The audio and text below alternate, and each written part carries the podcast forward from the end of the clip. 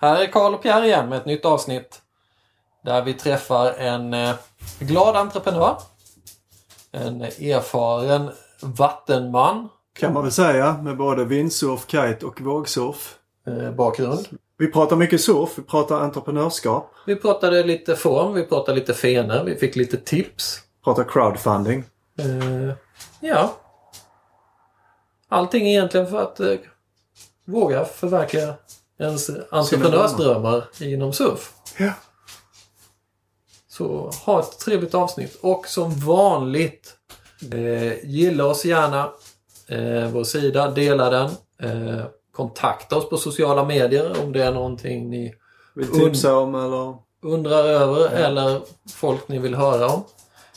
Betygsätt gärna eh, på de ställen där eh, poddar finns. Bara om det är högsta betyg givetvis, annars kan ni skita i det. Helt sant. eh, ja. Men eh, håll till godo med ännu ett avsnitt av Surfpodden. God lyssning! Idag har vi en härlig människa. En entreprenör, kajtare, eh, vågsurfare, uppfinnare och eh, allmänt glad. Och den vi har med oss är då, Christian Dietrich heter jag.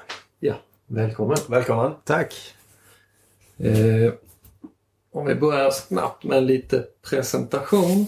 Eller vi går igenom några snabba Yes. frågor. Eh, så eh, hur gammal är du? Jag är 40 40 i år. i år, i mars. I mars gratulerar jag efterskott. Tackar, tackar. Välkommen till den sidan av livet. Precis. Eh, Du är född och uppväxt. I Falsterbo och Ljunghusen kan man säga. Ja. Eh, Familj.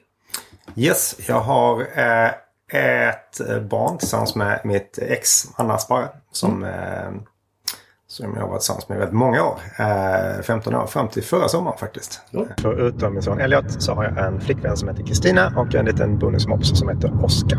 Det är min lilla familj. Jobb, sysselsättning. Eh, Jag driver idag ett företag som heter Earlabs. eh, Som har produkterna Surfers och Swimmers och en ny juniorvariant och en annan öronplugg som heter D-Bud. Dibad. Yes. En, en, en, en öronplugg för, för musiker och folk som behöver dämpa bort eh, högre ljud. Det, det, är en, det är en produkt som, som man kan eh, live justera volym, eh, volymen eh, på omgivningen i två nivåer. Så att är du på konsert så kan du justera volymen live. Och sitter du och jobbar så kan du tona bort liksom, omgivningen. Det är en bra liten grej också. Mm, spännande.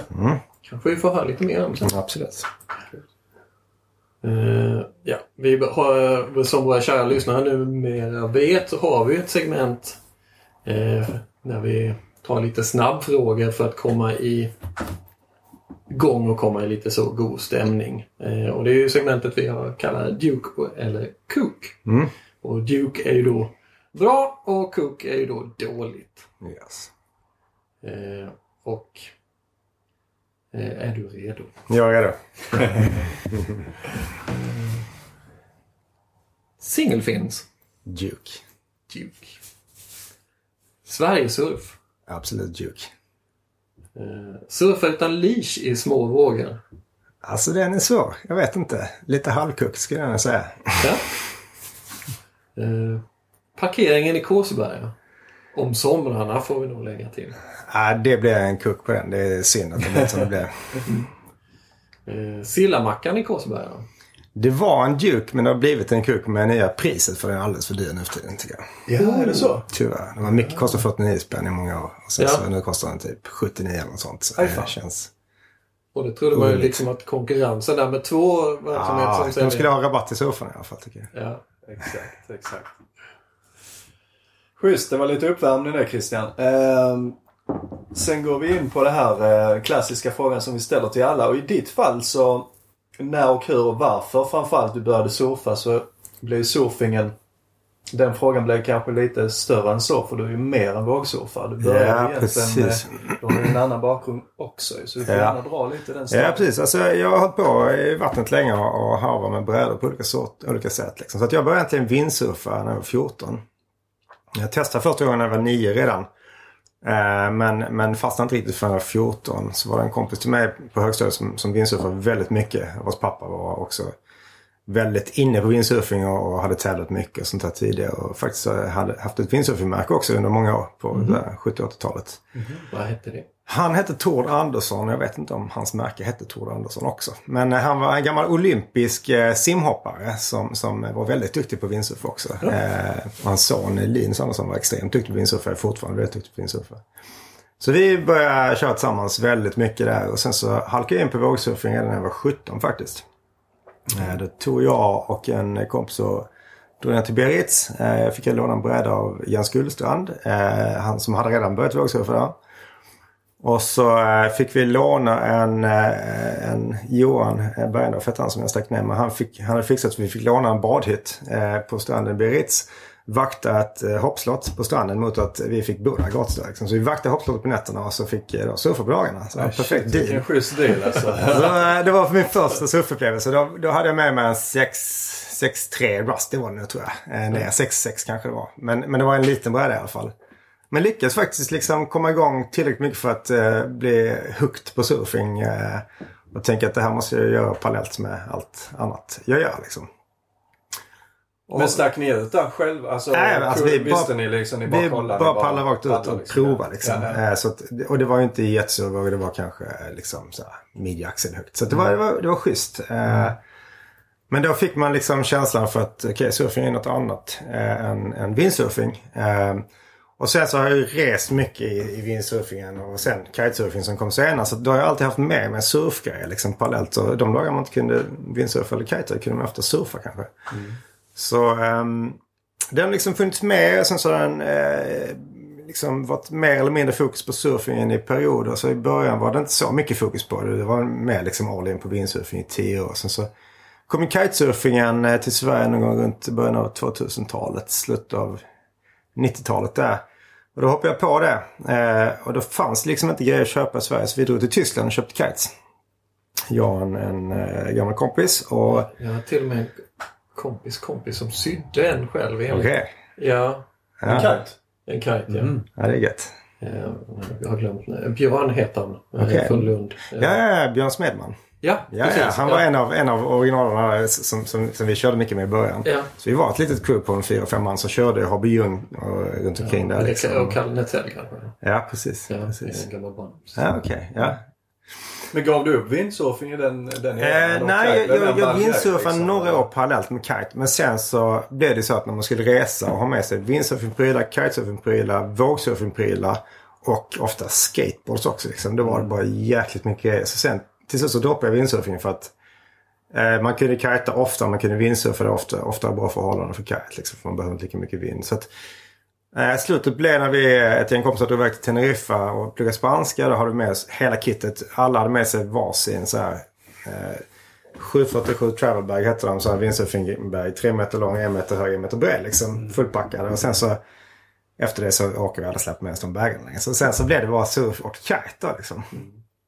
Eh, och sen så var vi inne på kite. Väldigt, väldigt eh, liksom fokuserat under många år. Så säg från 2000 till eh, kanske 2010, 11, 12 något sånt. Kajtade ganska mycket.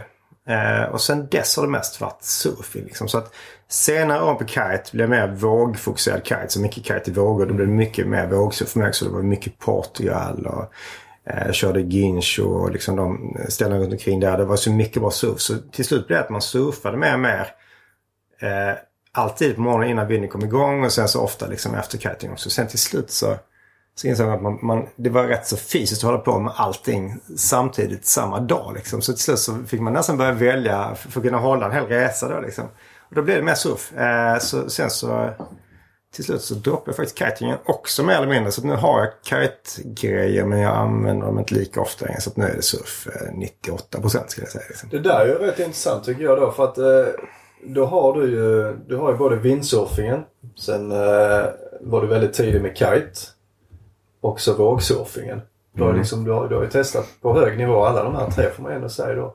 Du har legat parallellt med det också. Ja, precis. Mm. Men ändå har det liksom på något vis back to the roots. Mm, ja, men det är så. Det- Hur kommer det sig att det blir? Är det för att det är enklare, mindre utrustning? Det är framförallt utrustningen, att det är mindre prylar att släpa på. Ja. Och för att det är mindre startsträcka varje gång man ska köra. Ska du kajta eller vindsurfa ska du rigga. Eh, du måste, du är beroende av att vinden ska hålla liksom eh, hela tiden. Och du, Den du måste ofta, vrida och. Precis, och du måste välja ofta storlekar på, på utrustning för att ta med dig eller för att släppa med allt. Liksom. Mm. Så det är ofta bara enkelheten.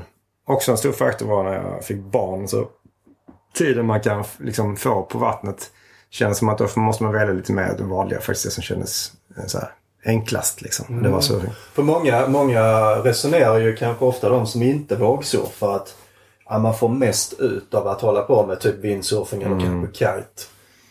Jag tror de har rätt i antal dagar på vattnet som man kanske kan köra som är bara så körbart. Då kanske kite är absolut. För du kan köra från 4-5 sekundmeter uppåt. Liksom. Framförallt om man kör så foilboard. Men då är också frågan vilken typ av surf man är ute efter. Vill man bara cruisa runt och segla med? Ja men då är kite skitbra liksom. Men om man vill få känslan att köra vågor. Eh, då blir det ofta för mig att jag fick välja surf eller kite. För att de dagarna det är riktiga vågor för kite, då kan man surfa liksom. Så att, ja, vill man köra kite i vågor då, då kan man liksom... Det är svårt att kombinera med surfing på samma, samma tidpunkt i alla fall.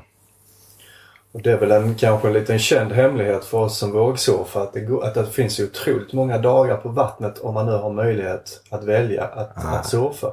Jag bara tänker det här steget från när vi intervjuade Thomas, det här steget från när de var i Varberg tror jag det var och de hoppar ut i vattnet där det kommer vindsurfare och skriker då Fel land, fel land grabben. eh, till liksom idag där, där det är inget konstigt att ha typ 150 vågsurfdagar på ett år liksom. Ja. Nej, det, det går Det, ju. är- Om man ja, det är har, galet. ja. har man en longboard så klarar man sig ganska långt. Exakt. Det är, jag menar idag, jag är också, jag börjar också på shortboards och kört mycket på, på det liksom. Men idag kör jag longboards. Jag har ju bara longboards här i Sverige. Sen så när jag är i Portugal så har jag någon shortboard men jag använder alla dem. Jag kör longboards alla dagar i Portugal också liksom. För att Nej, jag, jag, jag, jag, jag har ju gått den andra. Jag började ju på longboard och sen, Ah, Okej. i- för faktiskt 40% så fick jag en, Okej. en, eh, en baked potato som jag försöker köra med. Ja. Mm. Ja men det är kul att börja med brädor. Jag kommer säkert börja med lite mindre brädor igen någon gång. Men just nu är jag väldigt inne på longboards. Tycker det är fantastiskt longboard kul. är, Alltså. ja, nu har jag köpt en ny, precis en ny longboard så att nu är det Ja okej. tillbaka Ja. där. Kul. Jag bara, Portugal har ju mycket varit din hemvist. Har du hus där eller hur var det? Ja, precis. Jag, jag köpte ett hus för två år sedan i Portugal. Eh, ja, exakt två år sedan nu var det faktiskt. Ehm, för att jag hade varit där så fantastiskt mycket och spenderat så mycket pengar på att hyra andras hus och insåg att det var ganska billigt med hus där. Eh, så jag började kolla runt och eh, hitta faktiskt liksom Marknaden hade varit i botten säg för fem år sedan kanske. Eh, då hade det varit eh, ruskigt billigt med hus i Portugal. Och sen så hade det klättrat upp lite grann men inte kommit så högt upp än. Liksom. Så det fanns jättemycket till salu. Hade legat ute liksom länge de flesta hus. Så man kunde pruta ganska bra också. Så att jag, jag tyckte jag fick ett bra hus med bra läge i, i, i Baleal då, norr om Peniche. Ja, ja. Ehm, och, och slog till på det liksom. Och sen så... ehm, ja, det känns, känns gött. Sen hyr jag inte där. Så det funkar faktiskt eh, väldigt bra. Eh, en bra, bra deal. När, när är du oftast i Portugal? Vilken? Eh, alltså det är faktiskt då, eh, det är väldigt varierande. Men jag hösten är bäst tycker jag. Alltså september, oktober, november ska jag säga är bästa månaderna. För då är det väldigt lite vind, bra vågor, väldigt mycket mindre folk än vad det är på sommaren. Liksom. Ehm, det är betydligt mindre vind på, på hösten än vad det är på våren. Våren kan vara rätt blåsigt generellt sett. Ehm, även om man kan få väldigt bra surf då också. Och sen så vintern kan vara gött att komma iväg för det kan ändå vara en dag med 20 grader liksom där nere. Och det 15 14-15 i vattnet. Sen kan det droppa ner lite kallare också. Men ehm, jag har varit där eh, alla säsonger och har faktiskt fått jättebra surf alla säsonger också. Händer det att du kajtar också nu när du är där? Eller det, det blir Alltså jag hade kitegrejer fram tills förra gången jag var där i Portugal. Men jag hade inte använt dem en enda gång så jag tog hem dem. jag ska faktiskt sälja dem tänkte jag. Ja, men ska vi glida in på det här vi pratar om entreprenör då? Det kommer väl kanske tillbaka till Kite lite grann. Men du är ju bland annat mannen bakom Tablas, Just det. Precis. eh, brädmärket. Mm. Och om jag förstår det rätt så började du... Eller egentligen så läste jag någonstans att du byggde redan en windsurfingbräda som 14-åring. Mm, precis, och det var ju hemma i garaget hos Tord Andersson då. Ja. Som vi började brädbyggar eh, eh, intresset liksom. Eh, då, han lärde oss, han shapade väldigt traditionellt så han stod med elhuvud och eh, shapade upp brädor. För han liksom byggde formsen från, från scratch också liksom. Så han, eh, hittade byggmaterial kanske till exempel. Och blivna eh, grundisoleringsblock. Eh, typ eh, styrofoam eh, så här, med stängda celler. Och så limmade jag upp två sådana. Eh, fick lite böj på dem redan när jag limmade. Och sen så klöv de så att den stringer. Och sen så värmeformade ut dem med värmetrådar. Så det, liksom, det gjorde vi helt från scratch. Byggde blanksen och sen så stod där och shapeade och visade han liksom hur vi fick fram en, en, en schysst shape och berättade lite om liksom, teorin bakom hur brädor bör se ut för att funka på ett visst sätt. Så det var sjukt spännande. Tyckte jag. Jag har alltid Ja, bygger grejer liksom och så här och är ingenjör också nu så jag liksom har det intresset. Så det var väldigt, väldigt kul. Ehm, Ja, för du är, du är civilingenjör i mekanik. Ja, precis. Jag är läst civilingenjör i, i Lund. Eh, sen så tycker jag det var en väldigt annan inriktning kanske än, än så här. Det är kanske lite mer praktisk egentligen också i alla fall. Eh, men det här var så fantastiskt kul grej tyckte jag just när man var så intresserad av surfing och kunna bygga brädorna och sen få testa dem liksom, och se hur det funkade när man gjorde det på ett visst sätt. Så att efter den första brädan som vi byggde tillsammans eh, hemma hos Linus Thor så eh, så började jag bygga mina föräldrars garage övertygad om att det var en bra idé. Och, och sen så inredde det efter att liksom försöka kunna... Det blev rätt så dammigt liksom när man stod och, och slipade. Så att eh, man fick... Eh, man ska göra av väl liksom. Men så hade vi ett litet förråd som jag kunde bygga i. Så där eh, blev det några stycken brädor. Som, eh, som, som jag körde sen och jag tog med och testade ner på några resor på Kanarierna bara för att få dem i lite bättre förhållanden. Och det var inga fantastiska starten men det gick att köra liksom. Och det, var, det var väldigt kul. Man lärde sig fantastiskt mycket. Varje bräda man gjorde var en utveckling eh, till, till näst, eller till, från förra liksom. Var det windsurfingbräda eller var det var windsurfingbrädor. Det var windsurfingbrädor uteslutande från början. Så att, eh, så var det typ så, det var slalombrädor eller vågbrädor? Nej, det var vågbrädor från början var det. Ja. Sen körde jag lite slalom i så här, Svenska cupen för skojs skull. Nej, det, det är lugnt tack.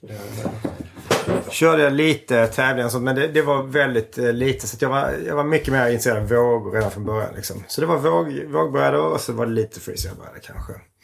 Men eh, det som är kul är att vi började liksom verkligen simpelt att göra blanksen och glasa som vanligt. Bara glaset direkt på och måla på med epoxy liksom. Och sen så Eh, ingen vakuumteknik sånt. Men sen så började jag kolla lite vad det fanns för alternativ. Liksom. Och så kom det en annan kompis in i, i, i liksom, i den här hobbyn. Och, och, och vi två började nörda ner oss i liksom så här kompositteknik och eh, sandwichmaterial. Vad kan man göra liksom för, för, för brädan lättare och hållbar. Så vi, vi eh, började jobba med Diab uppe i Halmstad som är stora leverantörer av komposit. De hade jättemånga bra tips. Det var kul med två entusiaster från, eh, från Falsterbo som ville bygga brädor. Men då byggde ni bara till er själva i det här läget? Ja, eller? det var till oss själva. Sen så när man var liksom klar med bräda så sålde man den till någon. Och sen så kom det så smått lite beställningar från kompisar. Men det blev aldrig riktigt till någon, något brand kan man inte säga. Utan det blev lite brädor liksom ut- utifrån ett garage.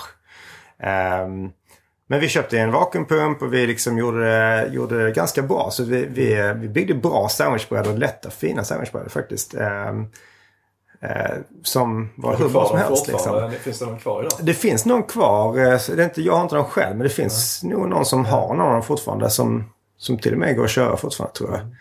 Ehm, och det väl liksom eh, 95 kanske något sånt. då, De var byggda. Så de, de håller länge och de är bra kvalitet. Men sen så eh, när kitingen kom då så, kunde jag redan liksom mycket från brädbyggandet. Så att då var det rätt lätt att konvertera till kitebrädor. För de var ju tio gånger mindre och tio gånger enklare att bygga. En vindsurfbräda är så stor, mycket volym, mycket att shapea. Eh, alla de här sandwichlaminaten som ska på om det ska bli en riktigt avancerad bräda. Det tar otroligt mycket tid. Varje steg måste härda över natten. Och det, måste, det är så otroligt många steg. Det tar liksom lätt två veckor att bygga en, en sandwich vindsurfbräda. Medan en kitebräda kunde bygga på tre dagar med en femtedel av stegen. Liksom. Um, så det, det var väldigt smidigt när det kom. Liksom. Och um, då blev det fler brädor som var lättare och snabbare att bygga. Och så eh, tävlade jag samtidigt då i kite. Eh, jag började tävla någon gång där runt 2003 kanske, 2004 tror jag. Eh, och var ute och körde världscupen några år. ehm, på vintrarna sådär. Tog ledigt från skolan liksom och, eh, och stack ut och körde lite. Och då tog jag med brädor och sålde.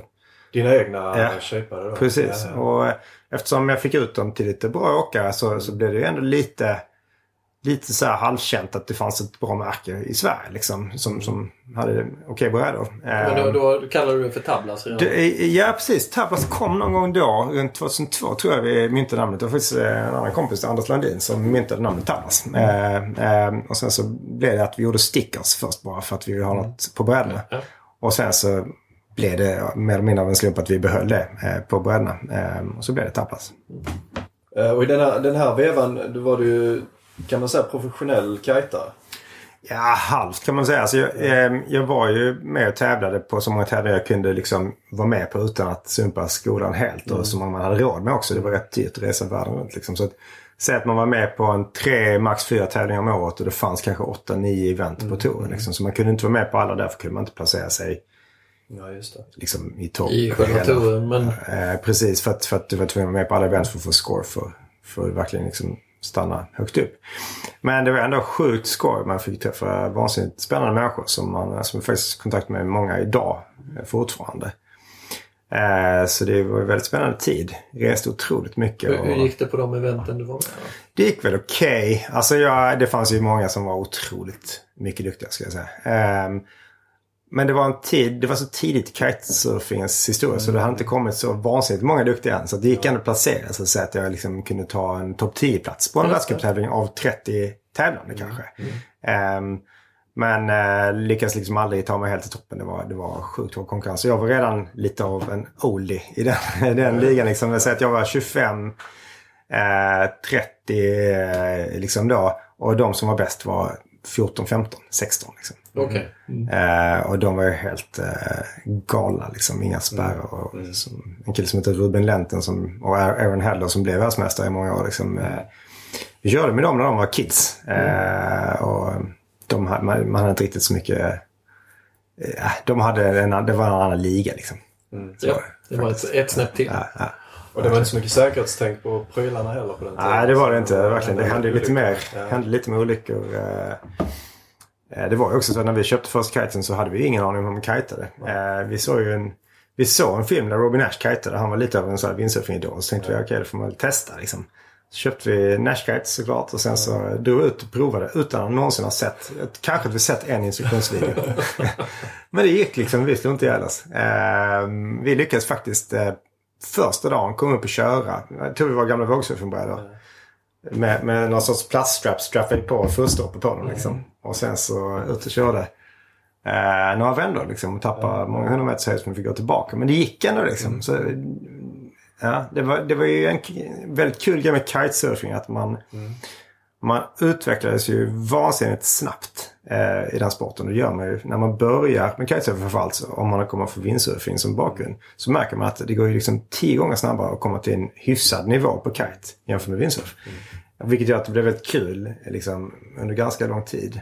Och sen då, där blev du också produktchef och shaper på North Kites. Bland mm. annat eller? Ja precis. Um, så det blev genom att eh, när jag eh, kitade som mest så var jag då eh, Först så lyckades jag fixa en sponsdeal via Norths återförsäljare eller distributör i Sverige som eh, heter Wallén Surf eh, uppe i Göteborg. Eh, och sen så via dem fick jag då kontakt med North direkt och var med på något event som de var på och träffade då de som liksom driver brandet. Och blev ganska bra eh, liksom polare med dem. Och sen så visste de då att jag höll på att bygga brädor. Att jag eh, ja, var lite av, jag var ju också pluggat till ingenjör då liksom. Så de behövde någon som, som kunde lite om brädor, kunde lite om produkter allmänt liksom som hade intresse för, för surfing då. Um, så det passade rätt klockrent när jag var klar. Uh, färdigpluggad, uh, så gott man kan bli. mm. Så um, hörde de faktiskt av sig och frågade om jag var intresserad. Uh, och söka ett jobb hos dem. Uh, så då, då tog jag det. Uh, Tyskland flyttade ner till, flyttade ner till München. Ja. Precis. Mm. De hade sitt uh, kontor i München. Eh, så långt bort från havet man kan komma. Eh, konstigt när det är ett surf, eh, surfkonglomerat liksom, som har North eh, Sales, North Windsurfing, North Kites. Eh, de har Fanatic, de hade Mistral, de hade F2, de hade diverse Santa Cruz snowboards visserligen.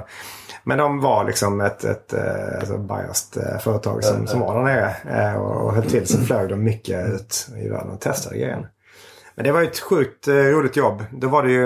Eh, mitt ansvar blev då North Kiteboarding och så huvudsakligen brädrangen men även eh, mycket utveckling på prylarna omkring brädrangen. Alltså, eh, ja, alla brädtillbehör och sen så mycket av kite-tillbehören också. Jag jobbar mycket med liksom mellan designbyrån som designade grafiskt på alla kites och se till så att det matchade liksom funkade produktionsmässigt och så här. Så det var ett väldigt spännande jobb, väldigt helhetstäckande. Fick du liksom. lite affärstänk också så att säga? Lite grann. Jag jobbar ju direkt med deras liksom Eh, han var inte VD då men han är det idag. Men till heter han till Eberle som driver som är då idag VD för, för hela Boards and More som heter. Som, han var grym produktsnubbe och jävligt grym på business liksom. Mm. Så det var väldigt kul att jobba med honom och få insikt i hur hela det bolaget funkar liksom. Mm. Eh, och sen var det ju sjukt kul att få jobba med att testa och utveckla kiteprylar. Liksom. Det var när man var som mest inne i kite. Liksom. Kitar, liksom.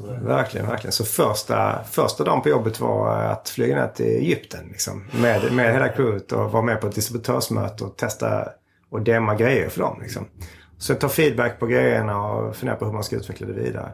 Sen var jag med ute och reste mycket med de som testade eh, kitesen. Så det, deras huvudutvecklare som heter Ken Winner han eh, bor borta i USA, The Gorge, men han var runt i världen beroende på var det blåste bäst för tillfället liksom, för att testa kite. Så vi var mycket i Australien, men mycket nere i Tarifa.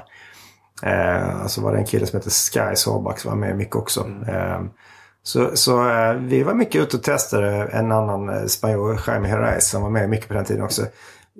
De var liksom extremt involverade i, i utvecklingen av, av kiten. Så det var, det var så sjukt kul att få vara med på den resan liksom, och, och faktiskt få betalt för att göra något sånt. Eh, det var helt galet. Eh, men väldigt kul.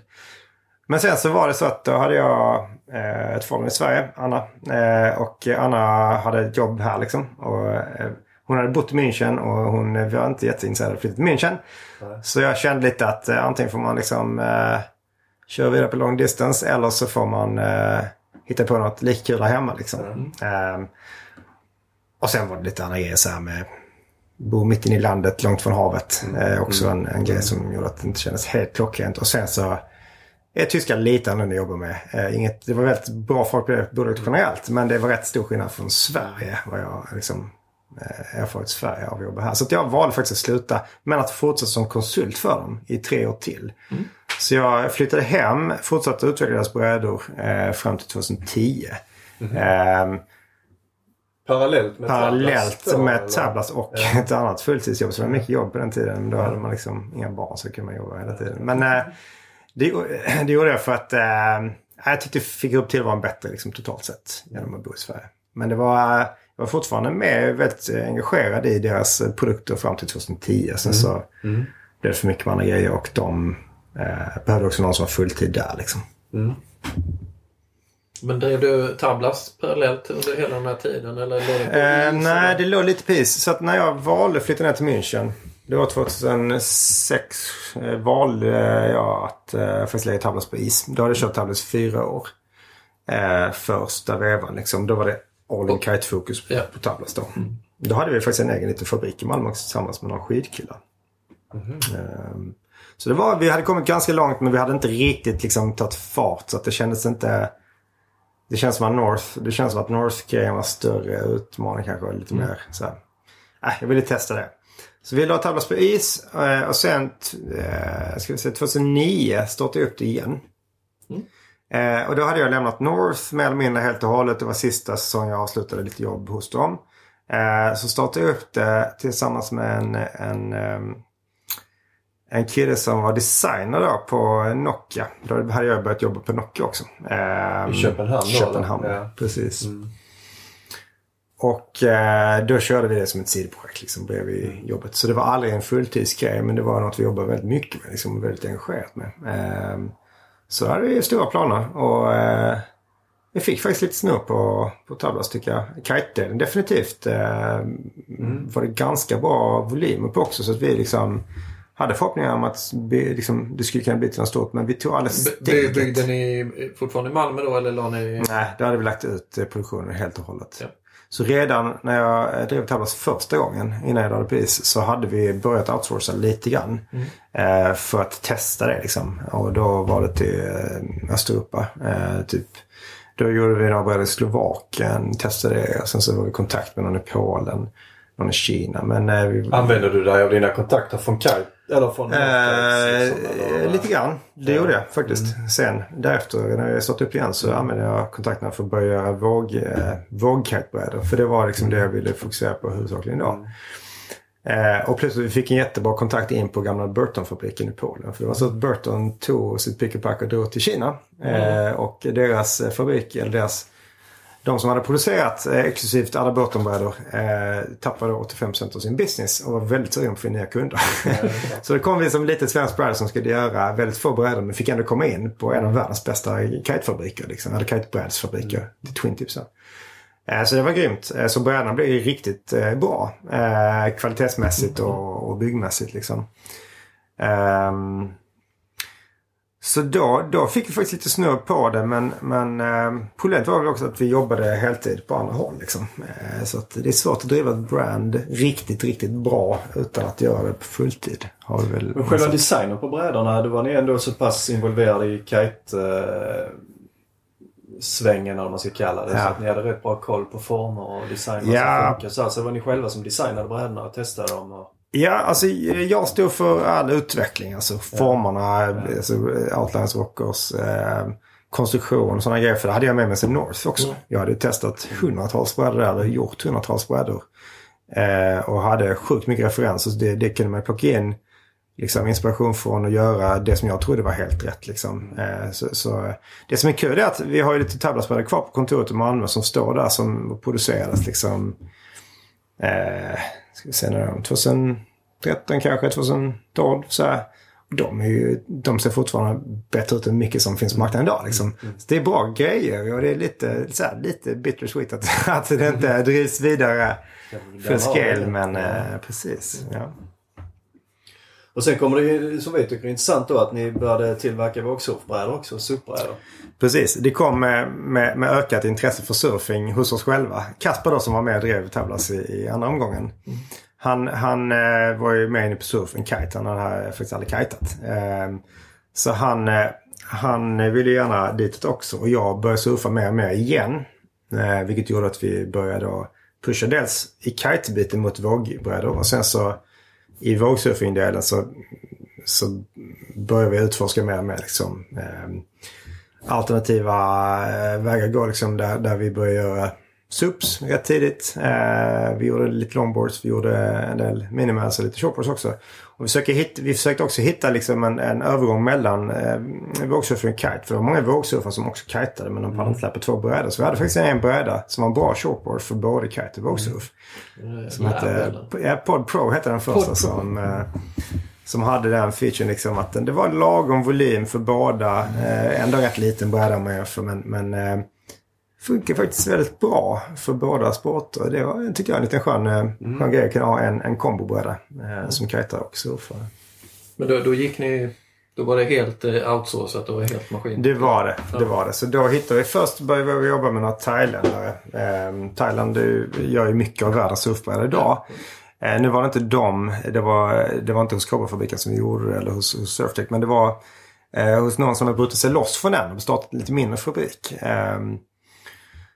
Sen valde vi att flytta till Kina. Eh, sen gjorde vi alla, alla vågbrädor i Kina och hittade en fabrik som kunde ge bättre, framförallt bättre jämna kvalitet och faktiskt eh, till och med lite bättre pris också.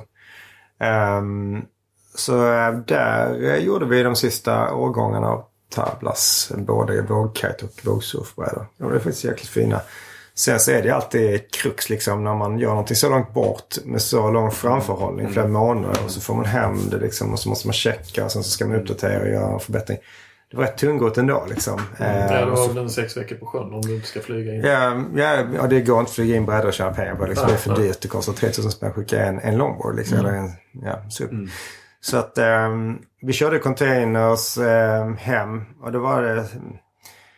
Ja, det, det, är svårt, det är svårt att hålla jättebra koll på så många modeller och ha allting 100% nail. Så att, eh, om man nu ska göra någonting nästa gång så ska jag hålla väldigt mycket, fokuserat, väldigt mycket mer fokuserat på, på väldigt få, Få modeller. modeller som blir väldigt bra istället. Liksom. Ja, för, för hur, tänk, hur tänkte ni där liksom att vi måste ha en produkt, en bred range som täcker in? Ja, Eller? det var väl så vi tänkte. Vi ville ha något som täckte in liksom Alltså tablas het- betyder brädor. Liksom. Mm. Så man skulle vilja ha brädor för alla olika sporter. Vi gjorde snowboards ett tag också Mm. faktiskt. Ehm, bara på liten skala för att testa om vi kunde sälja det. Liksom. Men insåg ganska snabbt att ska man vara riktigt bra på någonting så får man fokusera och bli riktigt bra på det först. Liksom. Ehm, det är svårt att bara branscha ut som litet bolag i alla fall. Och det är väldigt, väldigt mycket jobb också. Ehm, och, och hålla det vid liv liksom. Ni, hade, ni hade ett eh, ganska stort industritänk ändå i andra omgången. Kanske till och Mm. första omgången om man säger att ni ville bli ett... och Om man tänker sig svenska brädmärken eller sånt Mm. så är det väl... Man, man startar i lite mindre skala Mm. vad man ska säga. Och lite handshapat och sen... Precis, gick absolut. Vi hade förhoppningar att det skulle kunna växa och bli, bli eh, hyfsat stort. Vi hade diverse olika businessplans sånt för liksom. Och, eh, det hade säkert kunnat eh, bli ganska så stort liksom. Sen är faktum så att i branschen, i brädbranschen liksom främst så är det ju extrem konkurrens från lokala shapers. Det är det som är huvudgrejen. Att det, är det, som är, det, det det gör det väldigt svårt att exportera ett, ett surfmärke. Liksom, för att du kan få följa liksom lokalt. Det är ganska så... Det får man om, om man gör bra grejer. Men, men att liksom få portugiser att tro på Tablas eller få spanjorer att tro på Tablas när det finns 40 shapers i deras liksom hoods. Som kan göra skitbra brädor till billiga priser vi kan exportera dem liksom från Kina och importera igen till då, Och ska annat man land. då välja något annat än det så finns det ett antal Exakt. stora märken också. Som, Ja, exakt. Så det, det är en otroligt crowded eh, business. Surfbusinessen med jättemånga aktörer och många små aktörer som gör att det är supersvårt att bryta sig igenom. Liksom. Det är verkligen tufft. Va? Alltså hur... När ni gick från design, det hade varit intressant att veta. Ni, ni var ju liksom mer eller mindre kungar på kite och sen så ska ni börja göra vågsurfbrädor. Hur, liksom, hur svårt var det liksom? Hur tänkte ni där när ni började? Ja, alltså, eftersom jag kom ifrån att liksom. shapea windsurfingbrädor. Ja. Så hade jag ju egentligen den kunskapen. Alltså windsurfingbrädor och surfbrädor är inte så väldigt olika. Framförallt idag när surfbrädor byggs med sandwichteknik. Liksom. Så är det ju väldigt likt så som man byggde windsurfingbrädor för många, många, många år sedan. Liksom. Så att eh, hade man bara gjort kitebrädor och sen skulle börja göra vågsurf så skulle det kanske varit ett rätt stort steg. Men att gå från windsurf till kite till vågsurf var inte så jättestort. och så det ju speciellt då kitevåg. eller Ja, vågkite. kitevåg hade ju redan laborerat med ganska, ganska länge. Ehm, men sen att gå från att göra en bra vågkite till att göra en riktigt grym longboard, det är ju rätt stort steg. Liksom. Eh, nu har det blivit liksom x antal generationer Tabbas longboards. Eh, och de sista tycker jag faktiskt, eh, jag kör fortfarande på två av, av dem av senaste generationen. Så jag är väldigt nöjd med dem. Eh, så att där har jag förhoppningar och det är faktiskt lite kul att jag har faktiskt skissat lite på några nya longboards. Så ska jag göra någonting igen så ska jag göra longboards liksom. Ja, kul. Eh, så att jag har faktiskt eh, beställt i Kina nu tre stycken nya shapes. Eh, två 9-fotare och en 8-fotare. Liksom, som eh, jag ska testa bara för skojs skull. Bara för att se hur det funkar. Alltså dina egna shapes? Mina egna shapes. Ja, så du har fått kontakterna från fabriken? Så Det har du jag. Liksom, Det har jag. Precis. Vad, vad är det du designar i när du gör nya? Eh, jag har, Är det eh, speciellt program eller? Ja, ja, precis. Jag har kallat det alla möjliga olika. Jag kaddade, eh, för länge sedan kaddade jag liksom i samma program som jag kaddade mobiltelefoner i. Men, men det Ja. funkar inte så bra. Det var så otroligt komplicerat. Så idag finns det ju som AcuShaper till exempel. Det är ett rätt simpelt verktyg. Eller Shape 3D som är ett annat som är väldigt simpelt att shape. Det- Det finns ju till och med templates du kan ladda ner. Ja, AQ-shape är ju galet. Där Ja. har till och med jag varit inne och Ja, och försökt det, göra något liksom, som det, det är ju inte bra. Det, det, man kan göra vansinnigt fel där också. Men det är enklare att göra hyfsat rätt i alla fall. Eh, det är det. Så att de här är faktiskt ritade ut från AcuShaper. Sen så faktiskt... Eh, beroende på vilken fabrik man jobbar med så kan de bara läsa vissa typer av filer. Sen måste jag importera dem till eh, Shape 3D sen och exportera ut igen. Liksom. Men alltså, det här blir liksom en mix av eh, alla longboards jag har kört emellan att jag slutade tablas. Och vad jag vill ha ut av en bräda idag liksom. Eh, vad, vad är det du... Är det lätt inpallning Mm. och är, är det fram på nosen? Är det trippel? Ja, eller alltså, är det så här, precis. De brädorna jag har idag, jag gillar idag. Jag, har, jag köpte en Waveglider i Portugal. Eh, som är lite mer en Slim Jim heter den, 9.0. Som är lite, lite mer av en Nose Rider. Liksom rätt så rundade rails. Eh, Eh, rätt så platt nosrocker, eh, ordentligt konkav i nosen så rätt ordentligt tailrocker liksom. Så den, den är väldigt eh, nice att köra på nosen på och ganska lättkörd generellt så. Men det svänger ju inte. Alltså man kan inte svänga som en... Man, om- kör man en, en bra dag på stället som Ribeira nere i Ezeiza. Liksom, man har en stor lång våg som, som man verkligen vill kava på. Liksom. Då funkar inte den brädan. Då får man ju bara fram och noserider så länge man kan. Och det är också kul. Men ibland vill man svänga lite Ja. mer. Så att det jag är ute efter faktiskt är att hitta en, en kombination av en, en bräda som verkligen kan svängas och, och köras. Lite mer som en chopper fast man fortfarande kan noserider på hyfsat ordentligt. Liksom. Eh, så jag har några, jag kan visa sen faktiskt lite skisser på dem. Men det, det, jag tror jag har Ja, något nu som är intressant. Det får jag får jag göra. Vad är det för något?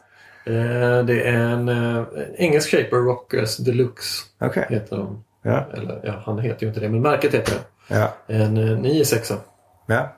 Eh, Ghost Rider heter modellen. Okej.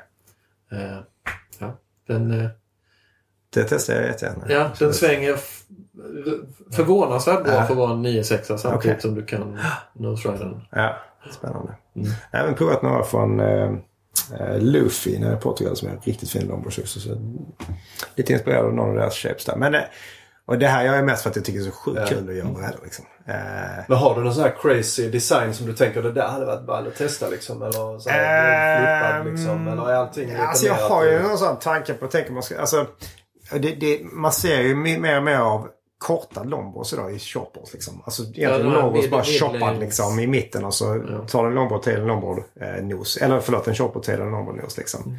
Eh, eh, jag tror mycket på det konceptet. Jag tror, jag, för min del så vill jag fortfarande ha lite längre bräda för jag gillar verkligen paddelkraften och liksom så glidigt man får längre bräda. Eh, så att jag tror jag ska börja laborera mycket med brädor kring 7-8 fot och se vad man kan göra med sådana. Liksom. Ehm, för det är, det är någonting jag har saknat lite grann. Liksom, kör man en stor dag i Portugal med den här 9 fotarna Slim Jim som är typ den enda brädan jag kör så är det sjukt jobbigt ibland för att den eh, börjar skumpa när det blir för stort. Liksom. Mm.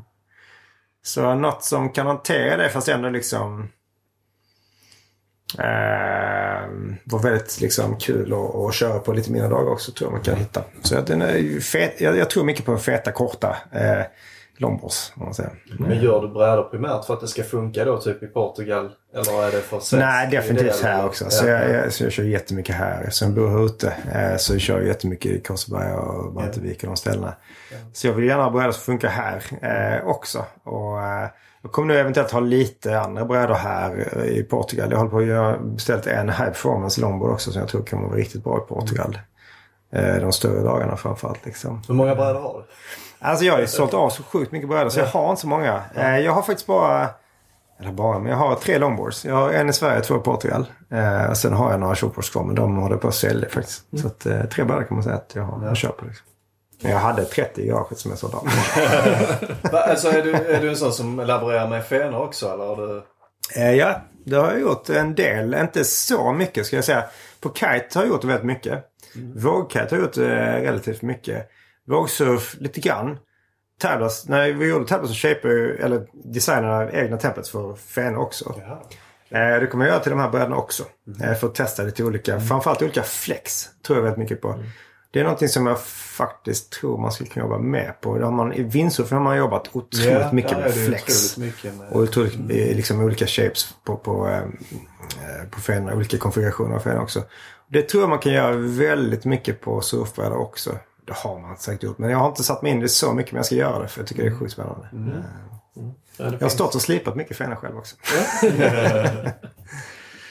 Nå, en lite kul fakta är att fenor, alltså man, eh, när vi började göra fenor till Tablas så köpte vi kretskortsmaterial eh, material av, av en firma i- Ängelholm. Ja, precis. Det är tjocka PCB. Eh, så köpte man 8 mm eh, eh, GT-material eller PCB-material som man eh, bara mm, skar ut med en eh, såg och sen stod slipper med en, en, en vanlig rondellslip. Funkar sjukt bra till att göra fenor med. Eh, Inte så himla vansinnigt dyrt heller om man hittar spillbitar. Det är tips Ja. till alla Ja, lyssnare. ja. GT heter det. Ja, det, det kan man säga att Tablas är i ett slags halv... Mm, Tablas är någon sorts idle mode just nu. Eh, och eh, vad det blir av de här longboardsen har jag ingen aning med. Jag vet inte ens om det blir något brand eller om det blir Tablas eller om det bara blir några brädor för att jag, jag tycker det är kul att göra brädor. Och sen så kanske det blir några, några över och sälja någon gång. Men eh, för nu så är det bara ett projekt att, att eh, liksom jakten på den ultimata långborden egentligen. Eh, som jag inte har hittat än. Det är nästan en film där. Mm. Jakten på den ultimata. ja, exakt. Det är spännande. Christian som Harrison Ford. Eh, ja. Eh, men sen kommer vi in på nästa projekt Mm. som du har driver.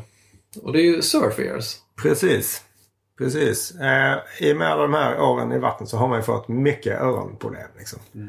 Eh, och jag är gammal simmare också i, i starten. Så jag har ju simmat först i många år, sen surfat i väldigt många år. Och hade faktiskt eh, öronproblem som barn redan så jag fick ha öronproppar när jag simmade. Hade ont i öronen när jag fick vatten i öronen. Liksom.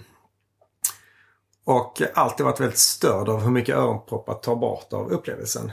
Dels när man då var liksom liten och simmade och inte hörde tränaren från bassängen. Eller på tävling missade starten för att man hade öronproppar i. Ah. Vilket jag gjort faktiskt. Eh, och sen eh, som surfare när man får konstanta öroninflammationer. Eh, och eh, när man stoppar i så här eh, vanliga silikonpluggar som, som formbara liksom, eller vaxpluggar så, liksom tappar allting och knappt kan snacka med folk för att man inte hör.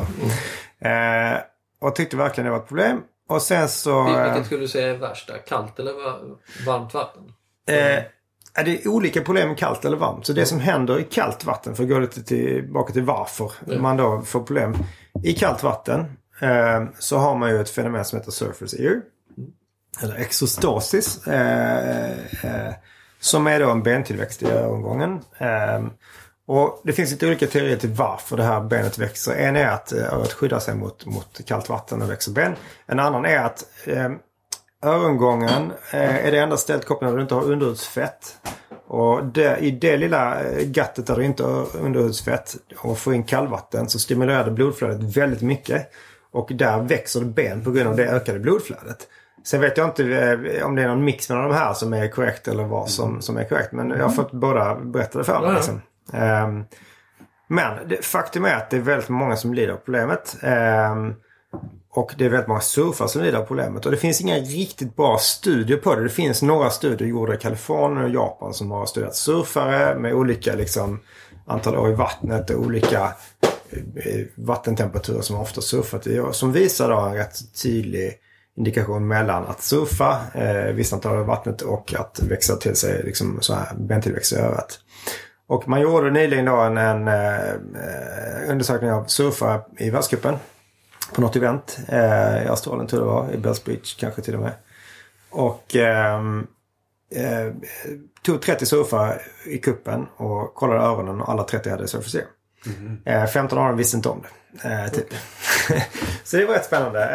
Eh, lite fakta liksom. Att det, Det är, nästan nog- lite som tinnitus hos musiker. Ja, det är är, precis. en, precis. eh, Och folk kanske inte uppfattar det förrän, förrän det verkligen gått till det steget att öronen stänger sig helt. Och det var det som hände för mig. Eh, jag har surface själv. Eh, jag har så otroligt liten öppning i örongången kvar. Att om jag får in någonting där innanför så kommer det garanterat inte ut utan det blir kvar där inne och Okej. bildas eh, bakterier och skit och det blir infekterat. Liksom. Så, så då, kallvatten liksom, jag, liksom står för upphovet till det här surface. Och sen så varmt vatten eh, har jag, vad jag har förstått, oftare eh, större antal bakterier eller föroreningar i sig. Eh, framförallt riktigt varma vatten, tropiska vatten då, som Indonesien säljer vi faktiskt väldigt mycket öronpluggar för att folk har öronproblem för att det är så skitigt vatten. Eh, och har man då redan surface ear sedan tidigare och är i skitigt vatten så har man dubbelt upp av problem.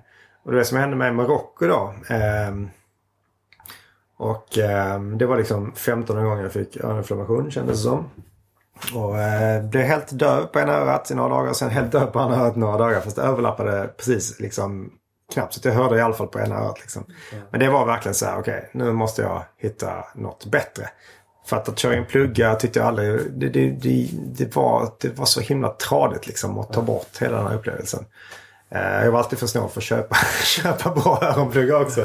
Så köpte alltid de här eh, billigaste vaxpluggarna liksom. Eller formbart silikon. Men eh, och då eh, hade jag jobbat på Nokia i ett antal år och jobbat mycket med liksom, så akustiska lösningar och sånt i telefonerna och, och varit i kontakt med mycket, mycket membran och meshmaterial som man använder just för att skydda eh, högtalare och mikrofoner mot vatten och damm. Och började kika på, liksom, kan man använda den här typen av material i en öronplugg? Eh, Och då hade vi precis dragit igång bolaget som eh, sen blev ett konsultbolag, eller som var ett konsultbolag eh, från början. Eh, som vi sen splittade upp i två bolag, ett produktbolag och ett eh, konsultbolag. Då. Eh, och där hade vi tillgång till 3D-printer. Och det var vi då liksom- bara för att inflika Frank. Frankly, Frankly, precis. Som idag Heter heter-. Eh, som idag heter Above. Above, Ja, precis. Så, så det blir kanske lite rörig historia. Men Fr- Frankly då startades när vi slutade på Nokia. När Nokia la ner sitt kontor i Köpenhamn 2011 så startade jag och tre gamla kollegor upp eh, ett, ett eh, konsultbolag. Eh, med tanken att eh, konsulta eh, för att eh, spara pengar till att göra egna produkter som vi sen skulle ut på marknaden med.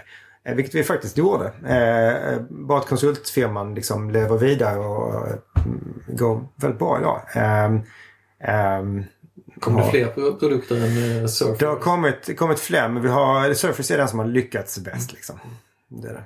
Ehm, men så, då så började vi laborera liksom med, med prototyper för öronpluggar. Vad kan man göra med öronpluggar? Ehm, och eh, vi höll på liksom mixtra med det i säkert ett och ett halvt år.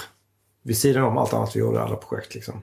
Ehm, och gjorde sjukt mycket olika prototyper, testade själv, lät andra testa.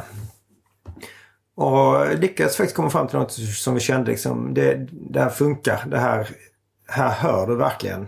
Och det skyddar dig tillräckligt bra fortfarande eh, mot vatten. Så då så eh, ville vi verkligen testa det. Kan det bli till någonting? Kan det bli liksom en, en produkt man kan sälja ute i världen? Så vi valde att eh, eh knoppa av ett bolag och, och göra ett separat bolag. Eh, för konsultverksamheten och ett separat för produkten. För vi ville helst inte blanda dem om, om någonting skulle fallera. Så eh, tyckte vi det var bättre att separera det. Eh, och så valde vi då att eh, min andra kollega fick driva vidare konsultfirman och jag fick driva vidare det här. För jag var den som hade mest erfarenhet av att göra produkter med Tabla och sånt i bakgrunden. Då. Eh, och så satte vi på Kickstarter. Eh, bara för att ja, dels för att få lite publicitet och dels för att eh, få testat om folk verkligen ville köpa det här. Och så fick vi ett tillägg, det blev inte en sån megasuccé liksom där, men det blev tillräckligt stor succé för att det skulle kännas som att okej, det var i alla Fick fall... ni den backningen ni hade? För Ja, det hade vi. Så vi frågade inte efter jättemycket pengar. Vi bad om säg, 200 000 kronor kanske. Något sånt. Eh, och det fick vi ihop. 250 000 kanske. Något sånt. Eh, men det var ändå det var drygt 400 personer världen över som köpte Surfers. Så det var från alla möjliga länder. Liksom. Men gjorde ni, lite sidospår här, men gjorde ni den här crowdfunding-kampanjen för att nå ut med som reklam? Eller var det för, främst för att finansiera? Ja, det var hu- huvudsakligen som, liksom? som en bra launch liksom, att, Ja. att nå ut. Ja. Och såklart för att finansiera en del av kostnaderna. Ja. Nu hade vi jobbat upp lite pengar i bolaget redan från konsultverksamhet som vi hade sparat. Så vi hade själv eh, en del kapital som vi kunde liksom investera Mm. i, i, i då, liksom verktyg och sånt i Kina. Så vi hade faktiskt kommit ganska långt innan vi kickstartade. Lite längre än vad man brukar ha kommit kanske i ett vanligt eh, crowdfunding-projekt. Men eh, men för oss var det lite som en checkmark på att folk ville köpa det här. Det fanns tillräckligt många som var intresserade. Eh, och det som var fantastiskt med, med Kickstarter och den eh, liksom synligheten man får där var att det började ha av sig distributörer och återförsäljare och så här från hela världen som helt plötsligt hade sett oss. Liksom. Mm. Så ni fick, ni fick distributionen på...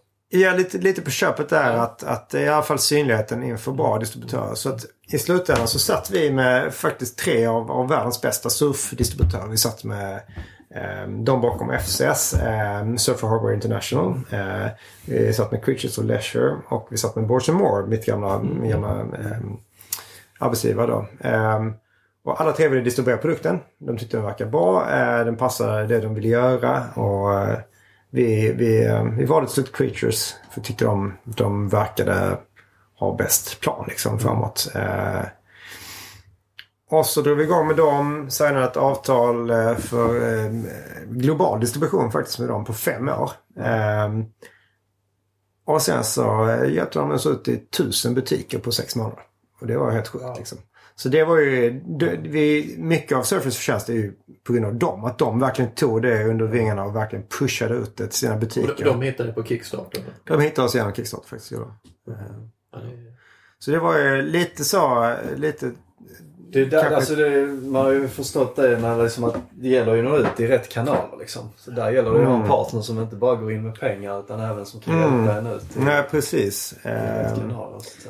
Så det var ju kanske lite både tur och, och, och liksom sånt händer på Kickstarter liksom. Eh, faktiskt. Var det, var det genom dem som ni lyckades knyta till exempel Tom Carroll? Ja, och... det var, Tom var ju redan på deras eh, Mm, ja. team kan man säga för andra produkter. Och Tom hade extrema öronproblem. Eh, och Ja, behövde den här det produkten. match made in Nej, han behövde verkligen den här Mm, produkten. Så han var ju helt salig när han fick, fick den här produkten i handen första gången. Han bara, det här är helt fantastiskt tyckte han liksom. Mm. Så han var ju på direkt. Ehm, och sen så är de, han har ju varit deras huvudambassadör för Surfers liksom. Och vår. Ehm, men de har ju liksom, ska man säga, varit de som fixade uh, dealen. Vad är det som gör just den produkten så himla bra? Alltså det som är den stora skillnaden är ju verkligen att eh, du hör ju väldigt mycket bättre än eh, andra pluggar. Det är den stora skillnaden. Ehm, och sen så har vi försökt göra en produkt som man kan anpassa i storlek till olika öron. För folk har väldigt olika öron. Så att bara köpa en standardplugga för att få den att passa så bra som möjligt det är sjukt svårt. Antingen får man gjuta. Men då tappar man hörseln väldigt mycket också. Ehm, så vi har försökt ha så många storleksvarianter som möjligt som man verkligen kan mixa och matcha. Och man kan ha olika, det är väldigt vanligt att ha olika storlekar på vänster och höger öra till exempel i örongången. Så det är många som har eh, small på ena och medium på andra kanske. Men det- alltså ni säljer dem som small, medium och large? När vi säljer ett kit där man har eh, small, medium, large eh, möjlighet att byta ut delar. Så du, det, den består av Så du kan sex anpassa delar din- egentligen. Precis. Så det finns eh, rätt många olika kombinationer eh, som man kan få till. Så att, eh, jag ska säga, huvudgrejen med Surface är att man hör väldigt mycket bättre. Det här, dels har vi ett, eh, en design som man har ett stort, stort eh, nät längst ut som är väldigt, väldigt finmaskigt eh, och eh, belagt med en speciell coating som gör att vattnet inte kan tränga igenom. Men extremt mycket luft kan tränga igenom och därmed ljud. Eh, så att det är den stora, stora grejen. Eh, jämfört med en öronplugg som antingen är helt tät eller som har tiny tiny hål som Docs ProPlugs till exempel. Eller som, som har ett membran som är mycket, mycket, mycket tätare än en mesh. Eh, och som släpper igenom en del ljud eh, men väldigt mycket mindre. Så det är, den, det är den största skillnaden. Att man hör så pass mycket mer liksom. Ehm, och sen så är det kanske framförallt passform att, att kunna eh, anpassa den efter ditt öra också. Och det är något vi jobbar sjukt mycket på att liksom Ska vi nu göra en uppdatering av den här så vet vi att liksom, folk vill ha passform. Den ska passa så bra som möjligt för att vara så tät som möjligt och vara så skön som möjligt. Det är en extremt viktig grej. Och sen så, sen så vill folk väldigt gärna höra så mycket som möjligt så länge som möjligt. Liksom. Hänger, hänger hörseln där ihop med balansen också? Eller hur? Det gör det i alla fall upplevd balans. Eh, det gör det definitivt. Eh, tar du bort hörseln helt så, så får du en, en sämre balanskänsla. Sen vet jag inte om den faktiska balansen är så mycket sämre men den upplevda balansen är i alla fall Ja, sämre. det, det räcker med att du Ja, upplever att du har precis, sämre balans för att det precis. ska bli Precis. lite jobbigt. Ja, Så ja. Har du några tips där på nu, hur mycket, du sa ni la ner ganska mycket tid innan, innan ni gick ut på crowdfunding liksom. Ja. Har du, jag minns jag- när jag in- intervjuade de här um, I love the I seas. Love the Seaside-boken som också gick ut med crowdfunding. Och det, de, de sa att det var otroligt mycket jobb att gå ut i en crowdfunding-kampanj. Alltså det är mycket jobb bakom. Det är liksom inte bara att lägga ut lite bilder. Ja, och sådär, under liksom. tiden. Under tiden. Ja precis, att underhålla det till de som backar upp. Liksom, Mm. så att de, Ja, det, det kan jag bara stämma in på att det är otroligt mycket jobb och det är något av de mest stress, stressiga situationer man kan sätta sig i det att ha en Ja, crowdfunding-kampanj. För att det är alltså, du måste ha klart allting tills att du launchar på kampanjen. Du måste ha en film klar, du måste ha allt produktmaterial, alla bilder, renderingar, alla texter. Eh, du måste veta vad produkten ska kosta. Du måste veta vad det kostar att frakta den. För du måste ha beräknat med i, beräkningen för att veta hur mycket pengar du behöver till den här produkten. Eh, du måste veta hur mycket det kostar att investera i i produktionsverktyg och sånt. Om det är nu fysiska produkter. Eh, så det, det är sjukt mycket jobb. Men det är också bra för att man tvingas att ha allting klart. För annars när man liksom så soft-launchar en produkt så kan man lätt liksom skita lite i alla de grejerna. Och så har man produkten klar fast man vet inte riktigt vad den kostar. Man vet inte riktigt hur mycket man ska sälja den för. Man vet inte riktigt vad man ska säga om den. Liksom. Det är faktiskt det är sjukt bra. Och Surface var ju den första vi launchade. Men vi har ju launchat tre produkter till på Kickstarter sedan dess. Så det, vi har ju gjort fyra kampanjer nu. I Earlabs då. Eh, och sen så med hjälp av Frankly har vi varit med i säkert tre, fyra till. Så vi har, nu har vi verkligen gjort det några gånger. Det är lika jobbigt varje gång fast, fast man blir lite bättre varje gång också liksom, på att fokusera på de rätt saker. Vad, skulle du säga den största fallgruppen är för en Kickstarter? Det är nog att man, man inte förbereder sig tillräckligt mycket att, att, eh, att berätta för världen att man finns. Eh, Det är väldigt lätt att tro att bara för man- att man finns på Kickstarter så vet hela världen om det. Men du måste också berätta för hela världen att det finns på Kickstarter. Eh, annars är chansen att du får en succé mycket mindre. Så jag menar, går du ut med en jättebra produkt och ingen vet om det så, så tar det ett tag innan folk hittar dig. Och sen så när folk väl hittar dig kanske de börjar dela det. Liksom. Men hittar folk dig först dag 15 i en kampanj så har du bara 15 dagar av 30 och, och liksom bygga traction. Om folk vet om dig 30 dagar innan eller 60 dagar innan du börjar din kampanj. Så, så har du så sjukt mycket större chans att lyckas. Så det vi gjorde nu senast på Dibad då. Eh, det var att vi körde en, en väldigt aggressiv eh, pre-launch-kampanj och, och, och eh, gjorde folk uppmärksamma på produkten och att vi skulle kickstarta. Eh, Och det vi- ni på sociala medier? det gjorde vi huvudsakligen på sociala medier, huvudsakligen med Facebook faktiskt. Ehm, och mejllistor. Eh, så vi, vi, vi körde mycket kampanjer på Facebook där folk kunde signa upp på en mejllista. Att, eh, att få reda på mer när vi väl launchade. Folk som hade intresse för den här typen av produkter. Eh, eller som hade liksom öronproblem eller tinnitus eller något sånt. Eh, och ehm, vi fick eh, 11 000 personer att signa upp innan vi launchade. Och sen kunde vi gå ut till hela den listan och säga att nu är vi live. Eh, så dels var de intresserade men kanske alla deras kompisar också var intresserade. Eh, och det gjorde att vi fick sjuk traction från dag ett på den kampanjen. Så den gick eh, betydligt bättre. Eh, snabbare liksom. Det blev ingen sån superhit men vi fick ändå liksom det var en betydligt bättre kampanj än Surfers. Eh, och, och jag skulle säga att förberedelser för hur mycket man kan synas utåt innan man väl är igång. Det ska jag kanske säga det är en av de viktigaste grejerna. Vad, eh, vad var det för produkt sa du? Dibbad, så Dibbad är då en, eh, det är också en öronplugg. Ehm, och det den gör är den tillåter dig att sänka volymen i två olika nivåer. Så du stoppar in, det är en helt mekanisk plugg. Den har ett filter av olika ljudkanaler, olika meshar och membran. Som, och den har två öppningar i toppen. Så att när du har den ena öppningen eh, stängd så går ljudet igenom och eh, sänks med 15 decibel. När den andra öppningen är stängd så går ljudet igenom och sänks med 30 decibel. Så det går igenom två olika delar på filtret kan man säga. Eh, och Så det är ingen elektronik eller nej, den är helt mekanisk. Vilket är en fördel för om alla behöver byta batteri. Sen kan man kan göra ännu mer med elektronik. Men man kommer väldigt långt faktiskt på det här sättet. Eh, Så det vi kan göra är till exempel, vi kan erbjuda folk som, som jobbar i högljudda eh, omgivningar att sänka ljudet beroende på hur mycket de behöver sänka det. Och sen vad som även är väldigt unikt med den här pluggen är att den sänker ljudet väldigt jämnt över hela spektrat. Så att vi har jobbat med en snubbe borta i USA som är otroligt duktig på att simulera eh, ljudbeteende eh, som eh, egentligen är en del av våra till, han, han tillhör en av våra tillverkare, en PhD, fantastiskt duktig akustiker liksom. Som hjälpt oss designa då ett filter som gör att vi dämpar ljudet så jämnt som man bara kan fysiskt möjligt i en öronplugg. Eh, för båda de här nivåerna. Så att när du är på konsert så får du i princip bara sänkt volym. Du får inte oklart Ja, så du utesluter deformerat ljud.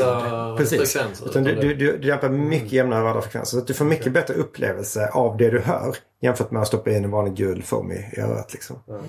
Eh, Så det är väl huvudgrejen med den. Att du kan justera volymen, i- i- volymen i två steg. Och sen så kan du, eh, kan du uppleva ljudet betydligt bättre än vad du gör med andra öronpluggar. Det måste ju varenda musiker tycka. Musiker, precis. Eh, folk som jobbar i musikbranschen. Som är liksom eh, lite Ja, så här, ja. Eh, passivt exponerade av väldigt höga volymer. Eh, folk som eh, sitter och pluggar. Folk som sitter och jobbar i open office environment. Liksom. Eh, folk som jobbar på fabrik. Som behöver snacka med varandra. Folk som... Eh, ja, det finns otroligt många applikationsområden. Vi måste välja någonstans att börja. Så vi har fokuserat rätt mycket på musik i början. Men det finns väldigt många Så surf ears har typ blivit ears nästan bara. Ja, precis. precis. Eh, och det, vi har ju lärt oss mycket från Surfers och det, det, vi använder vissa av de eh, liksom, grejerna som, som vi har fått med oss därifrån. Men detta är, det är en helt annan marknad och en helt annan typ av produkt. Eh, men den, eh, den, eh, det blir en riktigt bra kampanj den här gången. Liksom. Det blir. Vad är det några nya... nya produkter på gång. Det, är- det är de du nämnde då? Ja, eh, vi har ju släppt Surfers för, för barn nu också. Eh, och tanken där är att eh, Eh, det finns väldigt många barn som, som har öronproblem. Många barn med rör i öronen. Det finns många barn som har ont i öronen och får vatten i öronen. Eh, det finns många, i alla fall när jag var liten själv så kommer jag ihåg när jag simmade att jag hade öronpluggar men jag tyckte aldrig jag hörde min simtränare. Och det finns samma behov fast lite annorlunda än, än för surfare. Här handlar det mer kanske om kommunikationen. Liksom. Ehm, att kunna snacka med barn runt omkring dig, att kunna snacka med dina föräldrar eller din, din simlärare till exempel. Om man nu är simmare. Ehm, så vi testar att rulla ut den här eh, också genom Creatures. Så vi kommer få ut den i ett antal surfbutiker världen över nu. Och Var hittar man er i Sverige? Eh, vi finns nog i, i ganska många av surfbutikerna. Ja. Så att eh, Red Snapper har ju och Surfers i Varberg har ju och eh, hoppas att vi finns i Stockholm någonstans också. Vi styr tyvärr inte distributionen Nej, själva helt och just hållet. Utan det, det är ju Creature som gör det och Sverige är ju inte fokus nummer ett. Tyvärr. Ja, Så vi är lite för eh, dåligt representerade ibland tycker jag i Skandinavien faktiskt. Eh, man hittar oss i världens minsta shop i Costa Rica däremot liksom. Ja. Eller i de flesta shoppar i Kalifornien till exempel. Eh, vilket är jättebra. Men eh, ja, då börjar det väl gå mot slutet eller vad vi ska säga. Om vi Mm. tar lite sådana här avslutningsfrågor då. Mm. Eh, och det är väl eh, alltså en första surfbräda. Vågsurfbräda får vi då säga. Ja. Som du körde Den här själv. Biarritzbrädan kanske? Eller? ja, det var inte min. Den lånade Ja, jag. Så det var en Rusty. Jag tror det var 66. Men eh, den första brädan jag köpte måste varit en eh, 610 JP Stark från eh, Biarritz. Ja. Har du eh, något restips? Eller favoritställe? Alltså Portugal är en favorit eh, kanske ändå. För jag har hittat så sjukt många bra nya surfställen tycker jag i Portugal. Eh, varje gång jag varit där liksom. Ehm, så jag kan ju lätt, eh, de som inte har varit i Portugal eller de som har varit i Portugal, stick lite längre bort bara och testa kusten liksom. eh, Norr eller söder om vad det är så hittar du nya surfställen hela tiden. Ehm, sen eh, har jag en gång varit faktiskt och kitesurfat i Kina, i Hainan. Eh, innan jag visste att det fanns en sjukt bra longboardvåg. Alltså dit måste jag tillbaka faktiskt och testa. Eh, någon dag snart, Ja. hoppas jag. Du ska ju vara bra vågsurf i Nordkorea sägs det också. Är det så? Det är nog jävligt exotiskt. Kina måste det finnas fler ställen. ja, det måste Mm. Jag tror verkligen det finns så många ställen. Eh, vilka väderappar använder du? Eller sidor? Följer du vi säger dagligen eller på veckobasis? Eller? Precis, alltså i Portugal använder jag faktiskt Magic Seaweed eh, väldigt mycket. Tycker den funkar ganska bra. Här hemma jag använder jag inte den så mycket. Här kör jag danska FCOO väldigt mycket. Eh, den tycker jag är bra. För det är timme för timme liksom ganska detaljerat. Den uppdateras rätt ofta också. Ja, precis. Så den kör jag mest där hemma. Jag använder vindguru en del fortfarande. Jag använder väldigt mycket när jag kajtade. Mm. Men jag får kolla vinden långsiktigt. Um, mest dem, skulle jag säga. Faktiskt. Hur ofta kollar du? Ja, Inte alls lika mycket som förr. Eh, Men är det på daglig basis eller är det på varannan alltså, dag? nej, det, tyvärr måste jag säga att det är nog inte ens på daglig basis nu längre. Om, jag har, om det är för mycket att göra så kollar jag inte. Jag vill inte veta. Ingen självplåg. Nej, precis. Men eh, är, det, är det bra surf så kan det nog vara några gånger om dagen. Det är det nog. Definitivt. Perioder helt enkelt. Ja, ja exakt. Fanns en, jag, jag var nere på ett event i Portugal för ett tag sedan. Det var det någon som hade gjort en app som hette Bodhi. Som var någon sorts eh, AI-variant av eh, eh, eller virtual assistant-variant liksom av surf, eh, surf eh, forecast. Så då frågade man bara Bodhi, how's going up my spot liksom. Och så fick man då en väderforecast för ditt spot. Det var lite roligt. Så fick man updates då och då från en röst istället. Kul. Följer du världscupen någonting i surfing? Tyvärr inte så mycket. Lite grann då. Jag har, jag, följ, jag har det på mails liksom så jag får mail notifications eh, när det händer lite grejer. Men eh, inte jättemycket mer förr. Eh, inte så mycket. Jag skulle vilja lite mer men jag känner att jag hinner inte riktigt med följa allt som jag vill följa. Spelar du fantasy surfer? Eh, nej, det gör jag faktiskt inte. Men det kanske man skulle testa. Det är också sån här period.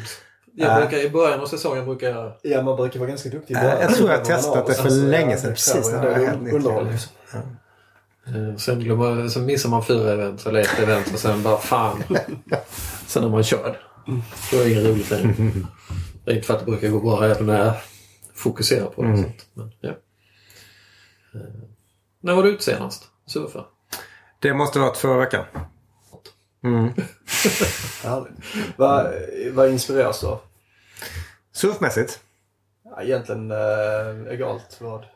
Alltså jag, jag, är, jag är väldigt eh, involverad i hela startup-världen just nu. Så jag inspireras mycket av liksom folk som har lyckats med häftiga grejer. Så här, startup-mässigt. Så.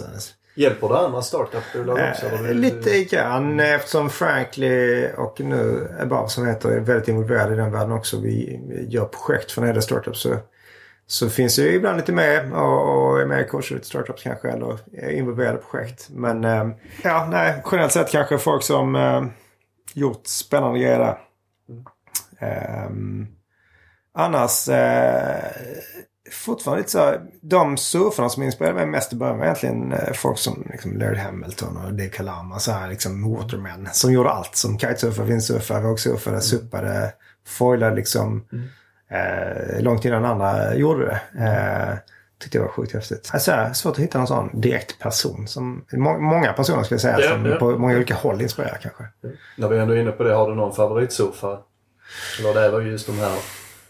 Kanske, jag, jag, jag börjar kika lite mer och mer på longboardare nu eftersom jag kör med longboard. Eh, Joel Tudor är ju fantastiskt eh, eh, cool snubbe tycker jag. Eh, skön stil. Surfmästare också.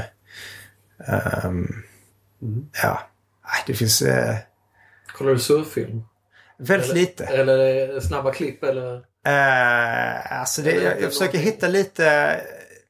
Så här, ibland YouTube man sig fram till lite, lite, lite klipp. Men det är så begränsat tycker jag. Så att, eh, senaste filmen jag kollade var faktiskt Chris Burkhards film från, eh, från Island. Det var väldigt, väldigt bra. Eh, faktiskt backade vi på Kickstarter också. Vi fick hem filmen. Eller fick länken till filmen i det. Det var bra. Mm. Jag rekommendera. Något allmänt tips? Mm, alltså, eh, om man tänker rent så. Eh, man om man tänker så entreprenörsmässigt så tror jag att det är många som går och bär på så här drömmar fast aldrig gör någonting av det. Jag tänker att eh, testa lite mer. Testa, testa det man eh, vill göra och sen så se om det funkar eller inte. Och sen så kan man ju alltid utvärdera därefter. Liksom. Istället för att gå och hålla på en dröm väldigt länge. Eh, tycker jag är bättre att prova sig fram liksom, på liten skala och sen så se om det är någonting man eh, kanske kan göra någonting av. Prova vid sidan av jobbet eller något sånt. Och sen se, om- se om det funkar. Vi drev ju Tavlas vid sidan av jobbet väldigt, väldigt många år. Det funkar ju. Man får slita lite mer kanske men det, det tycker jag är en bra start. Ehm, Hur tar man det till nästa steg? Det är klart det, det kan vara en svår, tung fråga men alltså är det, är det crowdfunding? Nej, crowdfunding är jättebra... Crowdfunding är faktiskt en jättebra eh, väg där om man vill testa någonting. För det kan man göra parallellt med jobbet också. Man kan ju man kan ju driva någonting eh, upp till det stadiet där man kan presentera det för världen på en kampanj. Liksom. Det tycker jag faktiskt är en eh, helt perfekt eh, En plattform. plattform för, för, för att få ut idéer. Eh, ja. Vilken var senaste brädan du surfade på? Senaste brädan måste faktiskt varit en bräda jag lånade. Ehm, en longboard, 9 fots, någon australiensisk shaper som jag faktiskt inte kommer ihåg vad han heter just nu. Men det var väldigt bra bräda. Rätt så sliten gammal longboard men ändå väldigt bra. Jag ville prova något lite smalare. Jag har, eh, de jag köper just nu är rätt så breda. Var inte McTavish. Nej, det var inte McTavish. Det var någon eh, rätt så... Eh, tror inte han var så känd liksom. Jag ska kolla upp vad han hette men... Eh, det var en, jag körde, jag körde lite, lite brantare vågor och lite schysstare vågor med den. Det var jäkligt kul. Det svängde riktigt bra liksom och var lite mer shortboard i känslan. Fast ändå man får så sjuk paddelkraft med de där nio foten. Liksom. Det var riktigt kul. Det är inspirerat till en av brädorna jag har faktiskt ritat nu. Ja. Har du några avslutningsord? Alltså, Word of wisdom. Ja, precis. Allmänt eh, kanske så här surfing i Sverige tycker jag ska handla om att det är kul att surfa. Att eh, man kan surfa i Sverige. Att det är fantastiskt roligt att ha ett crew som tycker det är kul att surfa. Sen kan det bli lite så här lack på att det är dålig stämning i vattnet här hemma. Liksom. Det är inte dålig stämning i Portugal när jag är där med 50 man i vattnet. Liksom. Men så kan det vara 12 man här och det är dålig stämning på ett litet ställe. Liksom. Det är onödigt. Det brukar inte vara det alltid men det kan vara. Det känns helt onödigt. Liksom. Varför ska det vara så? Det frustrationen där kanske? som- Ja, man får vara glad för att man får surfa istället för att vara aggro för att man inte får tillräckligt många vågor. Liksom. Så eh, var gladare. Ja, precis. Var Exakt. glada på vattnet. Det, det är en bra. Det är bra. Absolut. Tack så hemskt mycket Christian. Tack Ja, själva. tack. Jättekul. Kul att ha dig här.